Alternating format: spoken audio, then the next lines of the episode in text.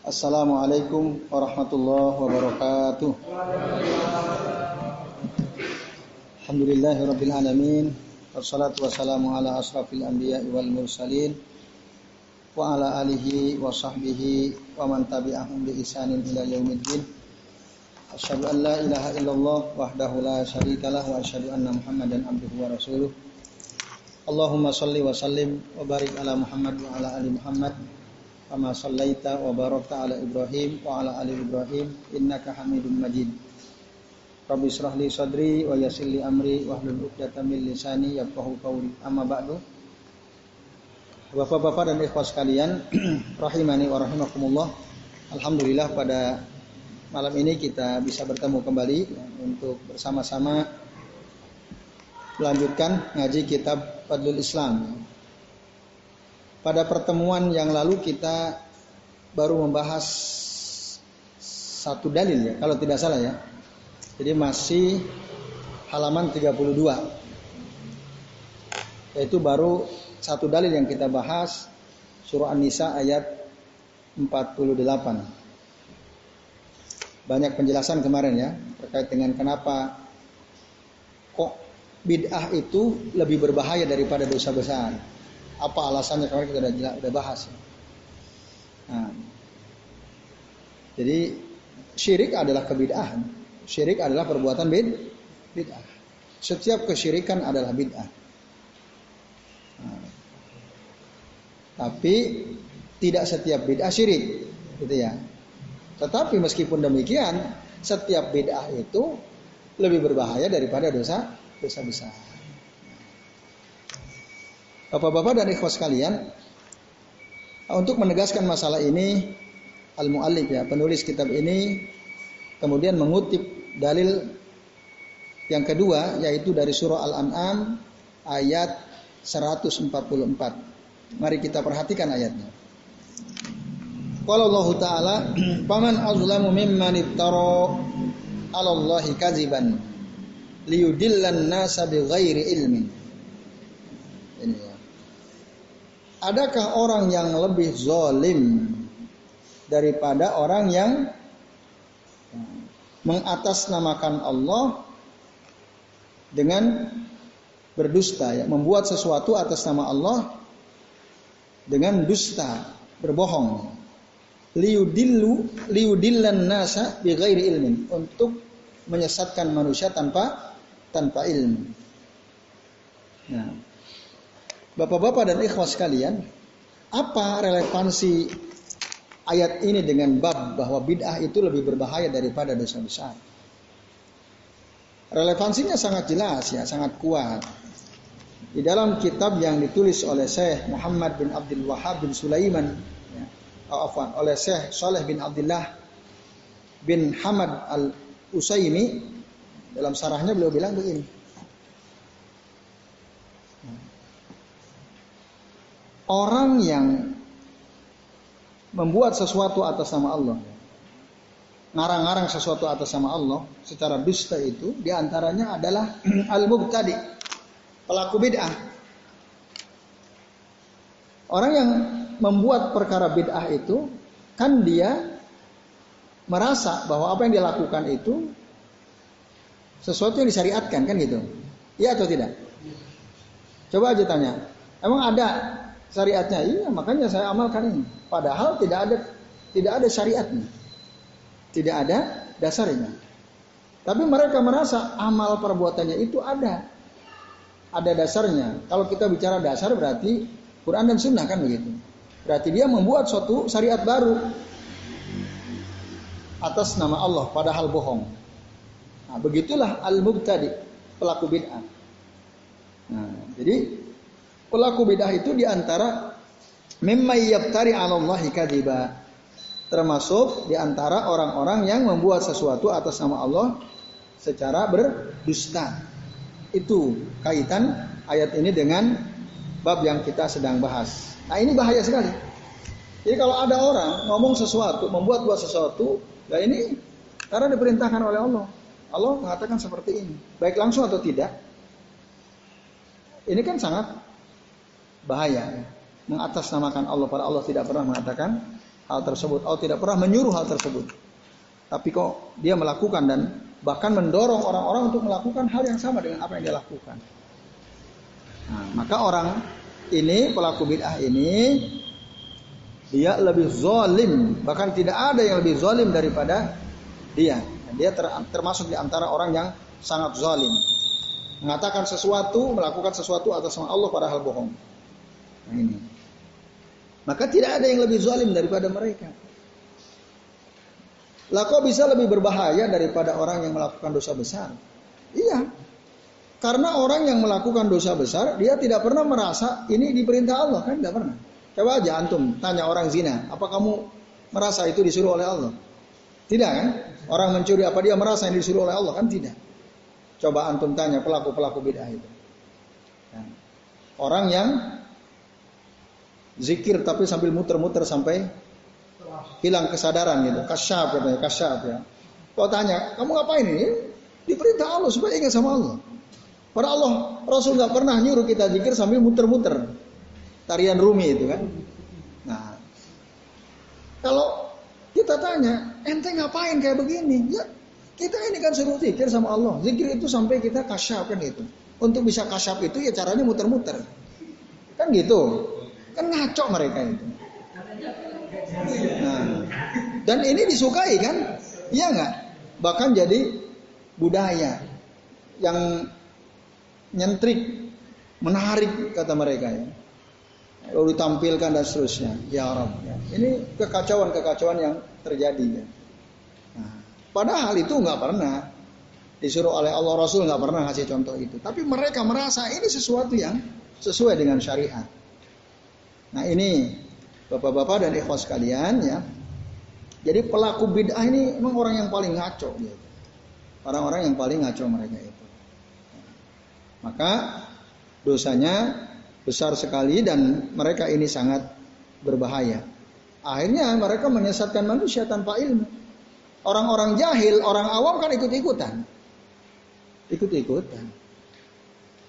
Nah, di Jogja ini ada pondok Jalaluddin Rumi namanya. Mungkin di sebagian antum tahu ya. Yaitu menghidupkan kebidahan-kebidahan. Nah ini.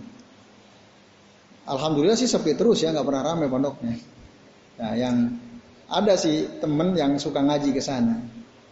Nah, tapi ya katanya ya sepi. Maksudnya sedikit terus ya karena mungkin ya dia apa ya mengajarkan sesuatu yang rumit dari torikoh ya torikoh dan para sufi. Dan ya sebenarnya nggak penting juga gitu. Sesuatu yang sangat tidak penting untuk keselamatan dunia dan akhirat. Ya paling hanya sekedar wawasan saja gitu ya. Untuk menjadi amal tidak. Nah, ini bapak-bapak dan ikhwas sekalian, azan ya Allah Nah itu, itu keterkaitan ayat ini dengan bab yang kita sedang bahas. Jadi intinya apa? Pelaku bid'ah itu adalah di antara orang yang melakukan sesuatu, mengatakan sesuatu atas nama Allah tapi bohong. Dan ini orang paling zalim. Udah gitu nyesatin orang pula. Orang disesat-sesatkan. Apa akibatnya? Nah, kita lihat dalil di bawahnya. Nah, pada dalil berikutnya, Bapak-bapak dan ikhwas sekalian, azan ya Allah wa ya. Dikutip ayat Al-Qur'an dari surah An-Nahl ayat 25. Liyahmilu auzarahum kamilatan yaumal qiyamati wa min auzaril ladzina yudillunahum bighairi ilmin Monggo dibuka surah secara lengkap ya. An-Nahl ayat 25. Kita buka secara lengkap. Ini kan sebagian. Sebagian. Buka tolong secara lengkap. supaya konteksnya sempurna kita pahami. Ya. Nah. Ayat 25.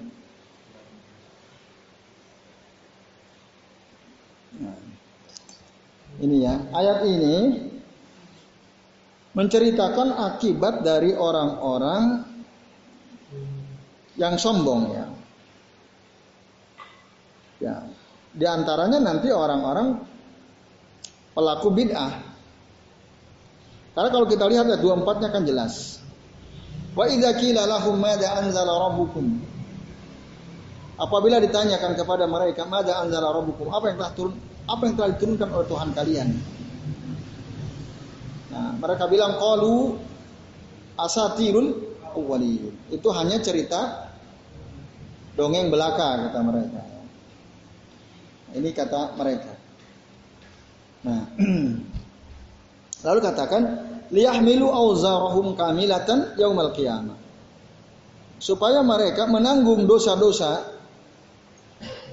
mereka, maksud mereka yang dia sesatkan kamilatan secara sempurna yaumal qiyamah pada hari kiamat. Ya, liyahmilu maaf, liyahmilu auzarahum supaya mereka menanggung memikul dosa-dosa mereka sendiri secara sempurna yaumal kiamah pada hari kiamat. Wa min auzaril ladina yudillunahum bighairi ilmin. Dan dari dosa-dosa orang-orang yang disesatkan oleh mereka tanpa ilmu. Ala sa'a ma yazirun ketahuilah inilah seburuk-buruk apa? Seburuk-buruk dosa. Nah, seburuk-buruk dosa. Nah apa relevansi ayat ini Bapak-bapak dan ikhwas sekalian dengan bab yang kita sedang bahas? Di pada ayat ini dijelaskan bahwa orang kafir yang menyesatkan manusia itu, orang kafir yang menyesatkan orang kafir ya. Dia akan memikul dosa-dosanya dan dosa-dosa orang disesatkan olehnya, orang kafir. Secara sempurna. Memikul dosa dia dan dosa orang-orang disesatkan secara sempurna. Wa kadzalikal mubtadi'ul mudil. Begitu juga para pelaku bid'ah yang menyesatkan. Fa innahuma fa innahuma yuzawwiqanis sirka wal bid'ah. Lakukan dua hal ya, keburukan yaitu kesyirikan dan bid'ah. Wa yuzayyinani lin-nasi fi'lahuma dan menjadikan baik di hadapan manusia dua perbuatan tadi yaitu syirik dan bid'ah bija'lihima minad din yaitu dengan menjadikan keduanya sebagai bagian dari A, agama. Sebagai bagian dari agama. Orang yang sering ziarah kubur kalau ada masalah. Atau orang yang sering ziarah kubur kalau dia punya hajat. Itu syirik atau bukan? Syirik. Pelaku bid'ah senang sekali ke kuburan. Pelaku bid'ah senang sekali datang ke kuburan. Al-kuburiyun ya. Nah, jadi syirik dan bid'ah dua perkara yang mereka lakukan dan mereka jadikan baik di hadapan manusia dengan melakukan keduanya dan mereka anggap ini bagian daripada agama. Kamu punya masalah, ya ayo kita ke kuburan Kiai Fulan. Insya Allah nanti selesai urusan Seberat apa pun urusanmu saya selesai. Kalau ditanya apa ini bagian dari agama? Iya, ini bagian dari agama. Kan Rasul bilang, ya, Nahaitukum an ziaratil kubur ala fazuruha. Dulu memang aku pernah melarang ziarah kubur, sekarang berziarah kalian. Itu kata Rasul. Ini bagian dari agama kata mereka. Padahal apa yang dimaksud oleh Rasul, ziarah kubur itu bukan untuk iktikaf, bukan untuk berdoa untuk kita. Ziarah kubur yang masyru' ya, al-masru'ah, azir al-masru'ah, yaitu ziarah kubur untuk mendoakan orang yang sudah mati, mengucapkan salam kepadanya, agar kita ingat kematian, agar kita ingat negeri ah, akhirat. Kan kenapa? Innaha kata Rasul, fazuruha fa innaha tuzakiroku tuzakirokumul maut wa tuzakirokum al akhirah. Karena ziarah kubur itu mengingatkan kalian kematian dan mengingatkan kalian akan negeri ah, akhirat. Itu maksud dari ziarah syar'inya. Kalau ada orang ziarah kubur tujuannya di luar yang dua itu, Ditambah satu lagi tadi untuk mendoakan ya, mengucapkan salam. Di luar itu, maka itu namanya azyarah asyirkiyah. Ziarah syirik dan pelakunya mubtadi, pelakunya ahlil ahlul bid'ah. Ada nggak orang ziarah kubur tujuannya supaya masalahnya selesai? Ada atau tidak? Banyak. Ah, banyak hampir seperti itu semua. Ada nggak orang ziarah kubur tujuannya supaya hajatnya terkabul? Ada nggak? Dia merasa yakin kalau saya jarok kubur ke kuburan Kiai Fulan, maka seluruh hajat saya insya Allah akan dikabulkan. Ini syirik, nggak pernah ada dasarnya. Itu banyak. Yang saya sering cerita itu ya, di belakang rumah saya itu ada kuburan yang dianggap wali. Itu kalau ada orang ingin nyalon jadi lurah, ya, nyalon jadi apa saja, sering datang ke situ, itikaf di situ sehari semalam. Saya waktu kecil ingat banget tuh, kalau habis orang ziarah gitu, kan dia suka naruh uang di batu-batu nisan itu kan, ada batu-batu. Wah, saya amat pun rebutan itu. Pas dia pulang kita rebutan. Wah, kita acak-acak tuh batunya, uangnya kita ambilin ya. Nah, itu waktu kecilnya. Itu persis belakang rumah saya itu. Dan memang saya menyaksikan sendiri ada orang ziarah ke situ nyalon jadi wah jadi. Wah semakin masyur itu. Semakin masir itu. Nah, ada bukti, ya, ada bukti. Nah, itu. Nah, ini. Berarti tujuan ziarah kuburnya apa? Supaya hajatnya terkabul. Kalau ditanya ente alasannya apa? Ya, selalu mereka bilang jangan la tahsabanna alladzina qutilu fi sabilillahi amwat hum ahya wa inna rabbihim yurzaqun. Selalu itu alasannya. Nah, silakan antum buka tuh. Ini dalil mereka. Ya.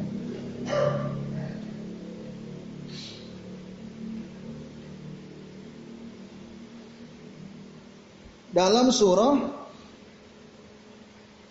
uh, Amwat bal hum, ah, hum ahya.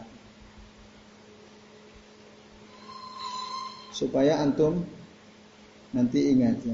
Ali Imran ayat 169. La tahsabanna alladzina qutilu fi sabilillahi amwatan bal ahya'un inda rabbihim yurzakun. Coba apa artinya? 169. Silakan Mas Wajan.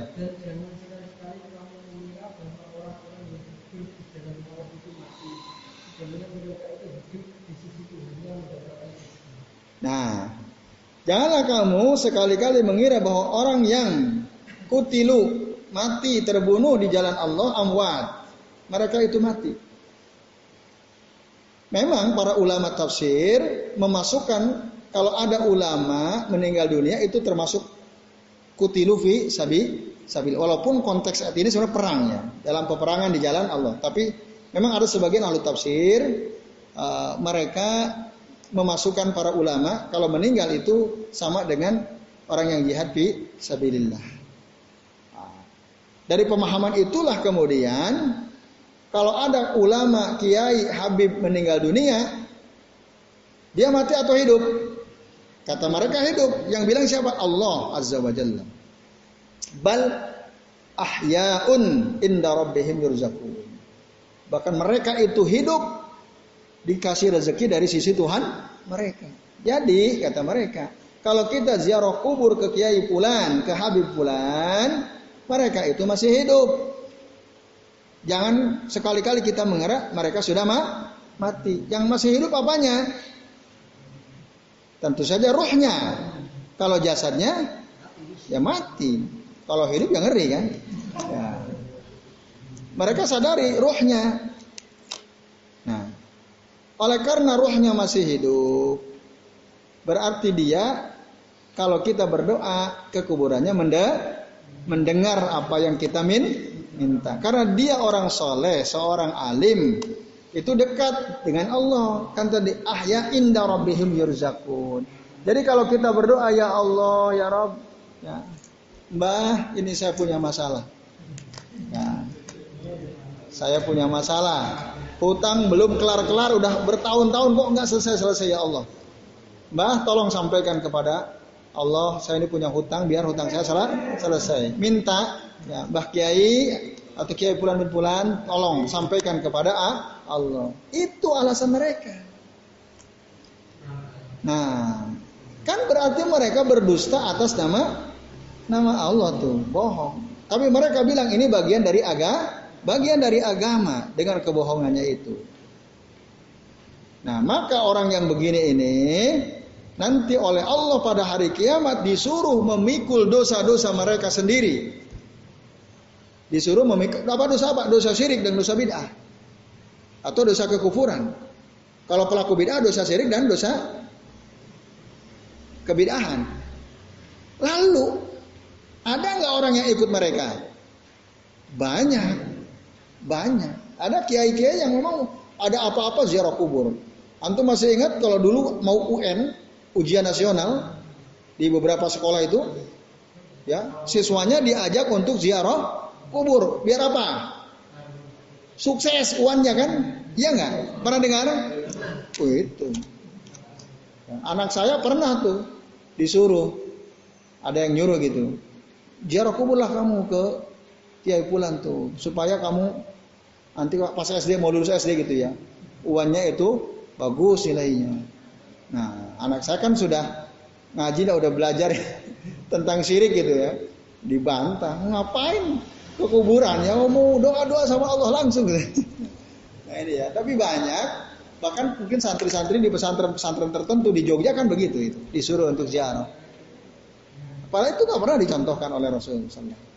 Nah ini, akhirnya orang ikutin Nanti ketika murid-muridnya jadi guru, ngajak lagi muridnya, ayo kita ziarah kubur. Dulu saya sukses gara-gara ziarah kubur itu mau ujian, kan gitu.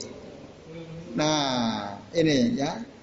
Maka orang begini dia akan memikul secara sempurna dosa-dosanya pada hari kiamat dan dia juga akan memikul dosa-dosa orang yang dia sesatkan tanpa ilmu. Ini seburuk-buruk perbuatan dosa. Nah, ini ya Bapak-bapak dan ikhwas kalian, azan ya Allah wa iyyakum ajma'in.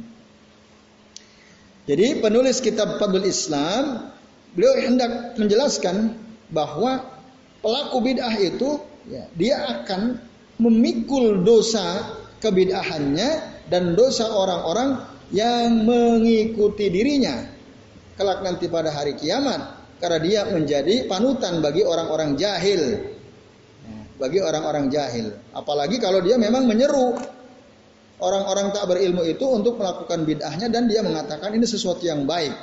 Akhirnya bid'ah tersebarlah di tengah-tengah masyarakat dari satu generasi ke generasi berikutnya disebabkan siapa? Orang yang pertama kali melakukan bid'ah tersebut. Nah, ini Bapak-bapak dan ikhwas sekalian. Nah, kemudian kata saya Usai Usai ini dia mengatakan begini. uh, jadi pelaku bid'ah itu dia akan menanggung dosa dua ya, syirik dan bid'ahnya. Lalu kemudian karena dia menjadikan kebid'ahannya itu sesuatu yang baik di hadapan manusia, bahkan dia mengatakan ini bagian daripada agama, berarti dia telah menyesatkan orang-orang, ya. menyesatkan orang-orang yang kemudian mengikutinya. Padahal itu bukan bagian dari agama. Maka hukumannya para pelaku bid'ah yang menyesatkan itu yatahammalu wijrohu wa wijro manittaba'ahu akan memikul dosanya dan dosa orang-orang yang mengikutinya. kalau orang yang melakukan dosa besar tidak separah ini. Orang yang melakukan dosa besar tidak separah separah ini. Ada enggak orang pembunuh mengatakan, wah membunuh ini perbuatan baik? Ada enggak? Nggak pernah dia takut pas habis bunuh takut. Orang minum homer, orang pezina, dia nggak pernah tuh mengatakan di hadapan orang banyak, wah zina itu mantap, baik. Dia pasti merasa ini keliru, ini suatu perbuatan dosa. Ya, minum homer pasti selalu dia merasa ini dosa sebenarnya. Dan dia tidak pernah tadi menjadikan ini sesuatu baik di hadapan. Tapi pelaku bid'ah Ah, mereka pasti bilang ke orang ini sesuatu yang baik, ini sesuatu yang bagian daripada agama. Di sinilah bahayanya. Eh lalu bagaimana katanya? Bukankah di dalam hadis itu disebutkan bahwa ya, dosa besar itu contohnya membunuh, ya dosa besar membunuh. Nah, dalam hadis Nabi mengatakan La tuqtalu nafsun zulman illa kana ala ibni Adam al-awwala kiflun min damiha. Tidaklah ada satu jiwa yang dibunuh secara zalim kecuali pasti anak Adam yang pertama kali melakukannya dia pun dapat bagian dari dosa si pembunuh. Itu kata Rasul. Siapa dulu yang membunuh? Siapa manusia yang pertama kali membunuh? Qabil apa Qabil? Qabil. Habil apa Qabil? Nah, Habil ya. Habil apa Qabil ya? Ya lupa juga ya ini ke, takut kebalik-balik ya. Tapi kalau dilihat dari sisi nama sih Qabil, Qabil itu setelah diterima ya. Katakanlah yang membunuh Habil katakanlah atau Qabil lah ya. Nanti bisa dicek lagi. Yang jelas di antara dua itu kan ada satu yang bunuh, satu dibunuh kan? Ya. Nah, maka setiap kali ada pembunuhan yang terjadi di atas muka bumi ini, anak Adam yang pertama kali membunuh, dia dapat kecipratan dosanya. Karena dia yang pertama kali melakukan. Tapi membunuh itu bid'ah apa dosa besar? Dosa besar, dosa besar. Nah, tapi ingat kita perhatikan kalimat hadisnya. Ya. Illa kana ala ibni Adam al awal al awwali kiblun min. Ada kata min damiha. Min di situ litab'id. Jadi sebagian dari dosa pembunuh berikutnya itu dia akan dapat bagi, dari sebagian. Sebagian. Tapi kalau pelaku bid'ah, orang kafir itu kamilah. Kamil itu sempurna, itu bedanya. Paham ya? Kan ada kata kamilah di situ ya. Ya enggak? Liyahmilu auzarahum kamilatan yaumal yaumal qiyamati wa min auzaril ladina yudillunahum bighairi ilmin. So ada kata sempurna. Nanti dijelaskan lagi oleh hadis-hadis di bawahnya. Kalau yang dosa besar membunuh dia dapat dosa yang belakangan tapi seba sebagian. Sementara orang kafir atau pelaku bid'ah dia akan memikul dosa sempurna dan dosa orang-orang yang mengikutinya yang disesatkan tanpa ilmu itu. Di situ bahayanya bid'ah. Coba antum buat bid'ah zikir, bid'ah ibadah, bid'ah sholat coba. Lalu banyak orang ngikutin antum, wah itu sempurna antum pikul dosa-dosa mereka. Nah, ini bahayanya bid'ah. Nah, itu teman-teman sekalian ya A'azani Allah wa iyyakum ajma'in. Nah, ini ya. Jelas sampai sini ya? Jelas nggak? Jelas kan? Kenapa bid'ah itu sangat berbahaya? Nah, karena itu. Nah, dia bahaya sekali. Baik. Ya. Apalagi kan biasanya alul bid'ah itu bilang ini sesuatu yang baik, bagian dari agama kita sedang mendekatkan diri kepada Allah. Kan itu yang biasanya mereka siar mereka kan begitu. Maka mereka bilang ada bid'ah. Oh lu lebih ngaco lagi tuh. Ya, ada orang bilang bid'ah hasanah lebih ngaco lagi. Kenapa dia berani sekali menyelisihi perkataan Nabi? Apa Nabi pernah bid, bilang bid'ah hasanah? Enggak pernah. Eh ada katanya siapa? Umar pernah bilang sholat tarawih itu apa? Ni'mal bid'ah hadhihi kata Umar. Sebaik-baik bid'ah itu ya ini. Apa itu sholat tarawih berjamaah? Waktu Abu Bakar tidak pernah ada sholat tarawih jamaah. Karena waktu Rasul pun hanya tiga hari, saya itu nggak jamaah. Abu Bakar nggak jamaah. Waktu Umar jadi khalifah, orang sendiri-sendiri sholat. Akhirnya beliau kumpulin lagi, ya, kumpulin, ditunjuk seseorang sahabat untuk jadi imam. Lalu beliau komentar, ni'mal bid'atu hadhi. Baik-baik bid'ah itu ini. Kan kata mereka berarti ada bid'ah yang baik. Eh nanti dulu. Apa yang dilakukan oleh Umar, sholat tarawih jamaah, pernah nggak terjadi pada zaman Rasul? Pernah. Jadi yang dimaksud bid'ah di situ, itu bid'ah secara bahasa. Dan itu nggak bisa jadi dasar untuk mengatakan ada bid'ah hasanah. Karena sesungguhnya apa yang dilakukan oleh Umar itu pernah juga dilakukan oleh Rasul. Kalau kita baca lagi hadis serengkap, nanti di hari eh, ke-25 ya atau ke hari dua. Di bagian terakhir Rasul jamaah lagi nanti keluar lagi sholat bareng lagi dengan para sahabat. Nah itu. Memang waktu zaman Abu Bakar tidak ada riwayat Abu Bakar menyuruh untuk sholat tarawih berjamaah yang mulai ada lagi saat zaman Umar. Nah itu nggak bisa jadi dasar ada bid'ah ada bid'ah hasanah. Rasul sendiri bilang apa bid'ah itu? Kullu bid'atin dhalalah. Setiap bid'ah itu sesat. Gak pernah Rasul min minal bid'ati hasanah wa minal bid'ati nggak pernah Rasul bilang. Itu ngarang-ngarang. Jadi mereka itu iftaru ala Rasul kaziba. iftaru ala rasuli kaziba. Berkata-kata atas nama Rasul secara bohong dusta. Ini Bapak-bapak dan ibu sekalian. Jelas ya? Nah, kita lihat hadis berikutnya. Nah, ini. Dalam kitab sahih sahih yang dimaksud di sini adalah sahih Bukhari ya.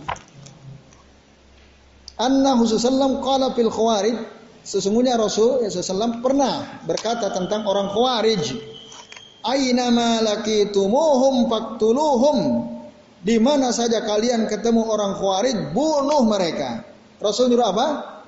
Bunuh. La in laqituhum, seandainya aku ketemu dengan mereka, la aqtulannahum adin. Saya akan bunuh mereka langsung. Saya sendiri akan bunuh kata Rasul. Siapa nih? Orang Khawarij? Orang Khawarij. Lalu apa kaitannya dengan bab ini? Bapak-bapak dan ikhwas sekalian, ya. Kaitannya Orang Khawarij itu adalah pelaku bid'ah yang sangat besar. Hum min sarri ahlil bid'ah. Ya. Khawarij itu seburuk-buruk ahlul bid'ah.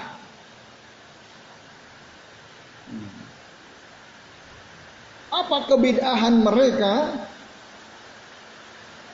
Tidak taat kepada pemimpin. pemimpin melepaskan diri dari ketaatan kepada seorang pemimpin yang sudah terpilih. Makanya mereka enggak mengakui Ali bin Abi Thalib sebagai khalifah, tidak juga mengakui Muawiyah bin Abi Sufyan selaku khalifah. Lalu bahkan dibunuh. Ali dibunuh oleh orang Khawarij. Muawiyah pun mau dibunuh. Hanya saja Muawiyah dijaga oleh para pengawal. Ali sebagaimana Rasul, Abu Bakar, Utsman tidak pernah ada pengawal. Bapak-bapak ya hujan ya. Nah, Muawiyah dikawal, orang Khawarij gak berhasil. Amru bin Al-As mau dibunuh juga. Qadarullah beliau sakit, sholat subuhnya di rumah, nggak berhasil. Akhirnya yang terbunuh hanya Ali bin Abi Thalib. Ini kebidahan orang Khawarij. Nah, ini sesuatu. Maka mereka itu min sari ahlil bidah. Karena saking besarnya kebidahan mereka, Rasulullah sampai-sampai menyuruh sahabat agar kalau ketemu mereka bunuh saja. Bahkan kalau aku sendiri ketemu mereka tak bunuh sisa. Kalau Rasul sendiri ketemu saya bunuh katanya. Ta'akulan nahum. Itu ya.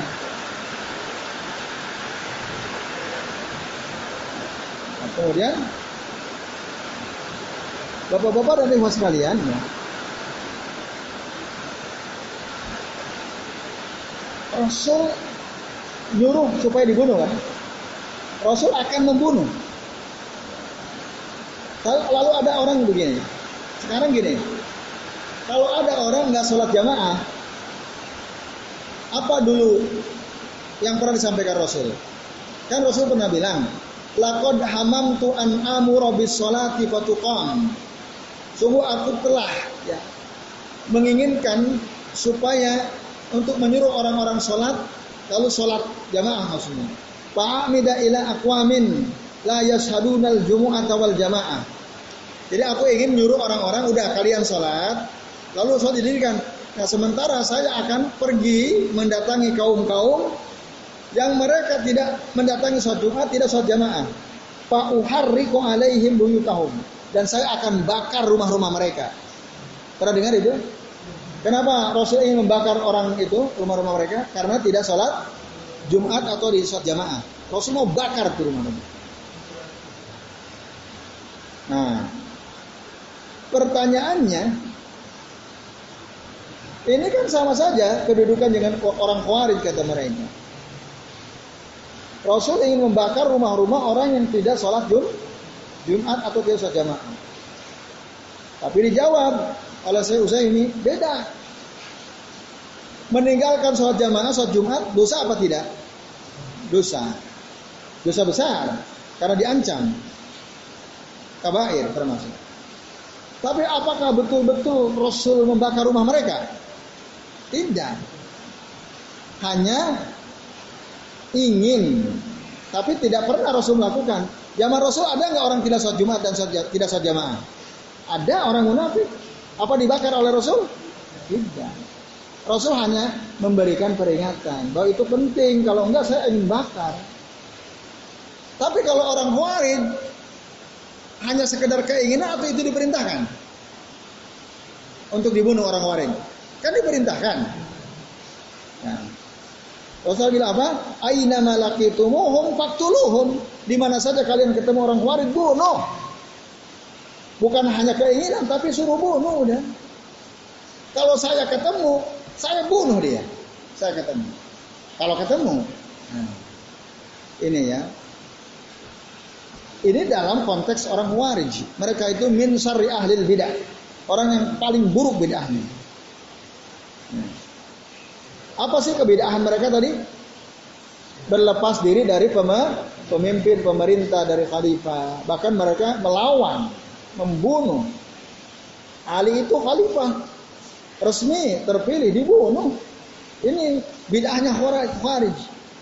Nah dalam Islam kan nggak boleh kita berontak kepada pemimpin. Mana dalilnya kalau dalam Islam nggak boleh berontak bahkan membunuh pemimpin? Hadis di bawahnya. Di hadis di bawahnya katakan wa fihi aidan annahu qol dan dalam hadis juga dikatakan bahwasanya Nabi SAW pernah bersabda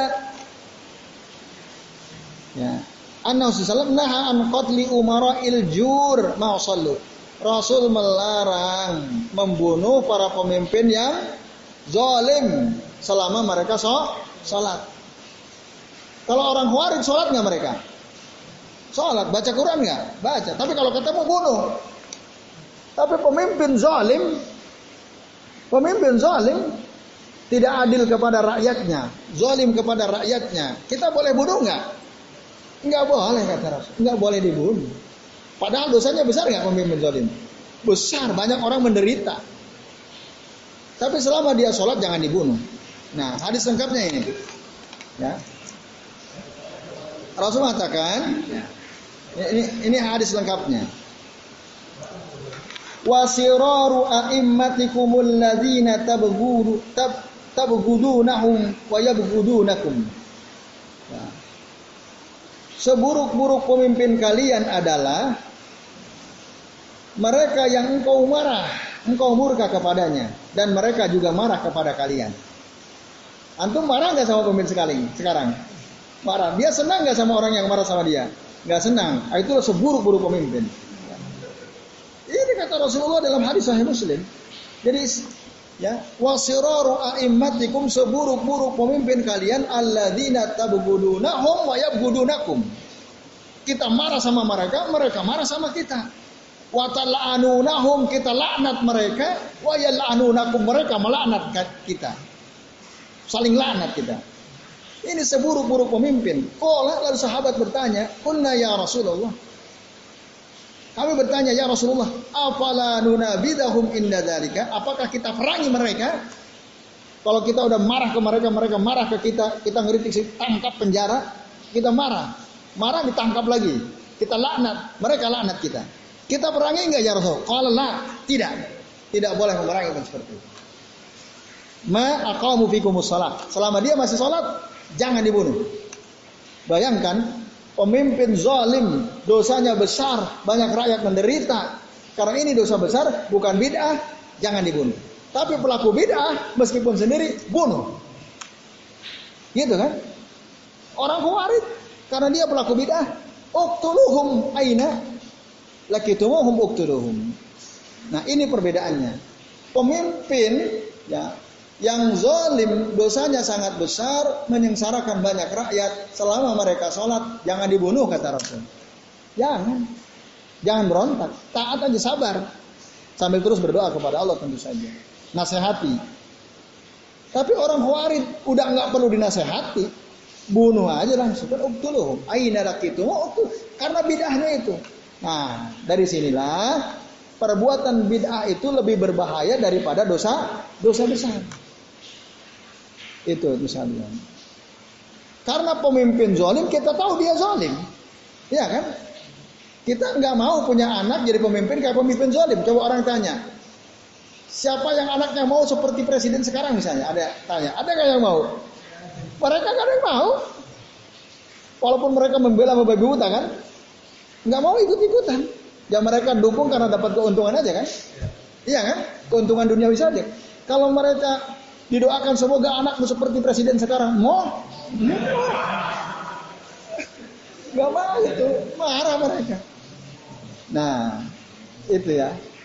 Tapi kalau orang pelaku bid'ah orang ikut nggak sadar bahkan nanti orang-orang yang ikut tanpa ilmu nggak sadar itu menganggap perbuatan bid'ah tadi adalah perbuatan yang yang baik. Coba tanya sekarang orang-orang yang melakukan Maulid Nabi besar-besaran, ya kan? Mereka anggap itu sesuatu yang baik atau tidak? Wow, baik sekali. Itu. Yang sholawatan sambil pakai alat musik joget-joget, ngibar-ngibarin bendera. Kotanya itu baik nggak? Mereka bilang pasti baik. Baik, ngaco itu. Nah, ini ya. Nah, ini jadi bahaya bid'ah. Bid'ah itu lebih berbahaya daripada dosa besar. Paham sampai sini ya? Nah, tahu sekalian, azan ya Allah wa ajmain. Kayaknya kita cukup sampai sini dulu ya. Jam 10 lewat. Nah, sekarang ini dalil di bawahnya lebih ini lagi, lebih mantap lagi nanti ya, bahwa kita harus betul-betul menjauhi bid'ah. Jadi saya kira ini karena sudah jam 10 lewat, ya kita cukupkan sampai di sini. Sebelum diakhiri, barangkali ada yang mau tanya satu saja silahkan, biar tidak terlalu malam. Ya, monggo Mas Yasir.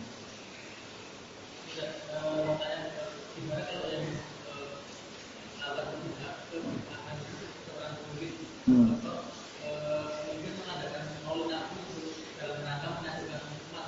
Nah. Hmm. Udah zolim ngadain bid'ah gitu ya. Bertumpuk-tumpuk. Ya Rabbuna. Tapi yang paling dosa yang inisiatornya itu, ya inisiatornya itu. Nah ini, ah, itu dia numpuk-numpuk ininya, bahayanya orang tersebut ya. Nah, jadi zolimnya saja dosa besar. Nah, lalu dia melakukan menganjurkan suatu amalan bid bid'ah. Nah, maka tambah besar lagi do dosanya. Nah, terus yang ditanyakan apanya Mas Yasef? Ya, itu kalau ditanya gimana ya dosanya bertumpuk-tumpuk. Gitu. Pemimpin dia sudah zolim, lalu ngadain acara besar-besaran yang bid'ah. Tujuannya apa tadi? Untuk menyatukan umat. Yang disatukan yang senang-senang toh. Yang nggak pernah itu nggak mungkin mau gitu. Ya itu. Berarti dia dosanya bertumpuk-tumpuk. Ya, min ya. Kita berlindung kepada Allah dari berbuat seperti itu. Nah, itu tantangan pemimpin begitu itu. Kalau pemimpinnya nggak punya ilmu kan disetir sama kiai-kiai bid'ah itu kan. Nah, itu. Tapi kalau dia punya ilmu ah enggak, cara lain aja deh nggak usah nggak usah dengan yang bid'ah-bid'ah kan gitu. Tapi karena dia jahil, nah itulah ya. Perbuatan bid'ah itu kalau dia sodorkan kepada orang tidak berilmu, wah seneng karena ini bagian dari agama, agama. Apalagi yang ngomong kiai, ya kan? Kiai, apalagi jadi pejabat negara misalnya, wah orang percaya lagi itu, lebih percaya lagi. Nah ini, nah yang paling bahaya ya itu. Nah ini ya, jadi sekalian bid'ah itu asyaddu minal kabair. Jadi lebih berbahaya daripada dosa dosa besar. Ya itu. Cukup ya? Ya baik. Bisa dipahami kan? Baik. Ya ini misalnya mudah-mudahan ya kita semua dijauhkan oleh Allah dari bersikap lunak terhadap bid'ah. Menggampang-gampangkan bid bid'ah. Udah kita iktisad di sunnah saja. Merasa cukup dengan sunnah, nggak usah repot-repot nyari pembenaran dengan bid bid'ah. Oh cari-cari supaya bid'ah ini benar, padahal nggak benar gitu ya. Ada orang yang letuk gini ke saya, istri saya sendiri. Tapi kok bisa ya alul bid'ah itu ketemu aja dalilnya? Saya bilang apa ketemu? Nggak ketemu. Mereka nyari-nyari itu dipaksa-paksain. Sebenarnya nggak pernah ketemu gitu istri saya mikir juga oh iya juga ya sebenarnya nggak pernah ketemu mereka itu itu dipaksa-paksain aja nggak pernah ketemu ya kok bisa aja nyari-nyari itu ya itu mereka bersungguh-sungguh nyari-nyari untuk membenarkan kebedaannya. Nah, makanya sahabat bilang, al-iktisadu bi sunnati khairun minal ijtihadi fil bid'ah. Merasa cukup dengan sunnah jauh lebih baik daripada bersungguh-sungguh dalam perkara bid'ah. Bersungguh-sungguh itu baik, tapi dalam perkara bid'ah bahaya ya. Enggak ngapain sungguh-sungguh nyari nyari dalil. Ya contoh sederhana ya. Yang salah salawat itu ya. Kan Rasul nggak pernah tuh ngajarin Allahumma sholli Allahumma sholli ala sayyidina Muhammad kan. Coba orang yang menganjurkan itu dia pasti cari-cari dalil pembenaran. Udah jelas Rasul nggak pernah ngajarin mereka cari. Kan Rasul pernah bilang apa bilang? Ana sayyidu waladi Adam. Saya adalah pemimpin penghulu anak Adam. Ada dalilnya ada. Tapi konteksnya apa? Kok ditarik-tarik ke sholawat? Kan mereka bersungguh-sungguh nyari sana nyari sini muter-muter lalu dikait-kaitkan. Lah, udah cukup ngikuti apa yang diajarkan Nabi selesai. Nggak usah bersungguh-sungguh nyari ke mana kemari untuk membenarkan perbuatan bedahnya itu. Nah ini terus kalian ya. Apalagi mudah-mudahan Allah lindungi kita dari bersikap ya menggambang-gampangkan perbuatan bid'ah dan semoga kita bisa kuat istiqomah menjauhi segala macam perbuatan bid'ah karena itu asyaddu Ya, asyaddu minal kabair lebih berbahaya daripada dosa besar. Demikian yang bisa kami sampaikan. Mohon maaf e, karena hujan deras juga biar tidak terlalu malam ya kita cukupkan sampai di sini.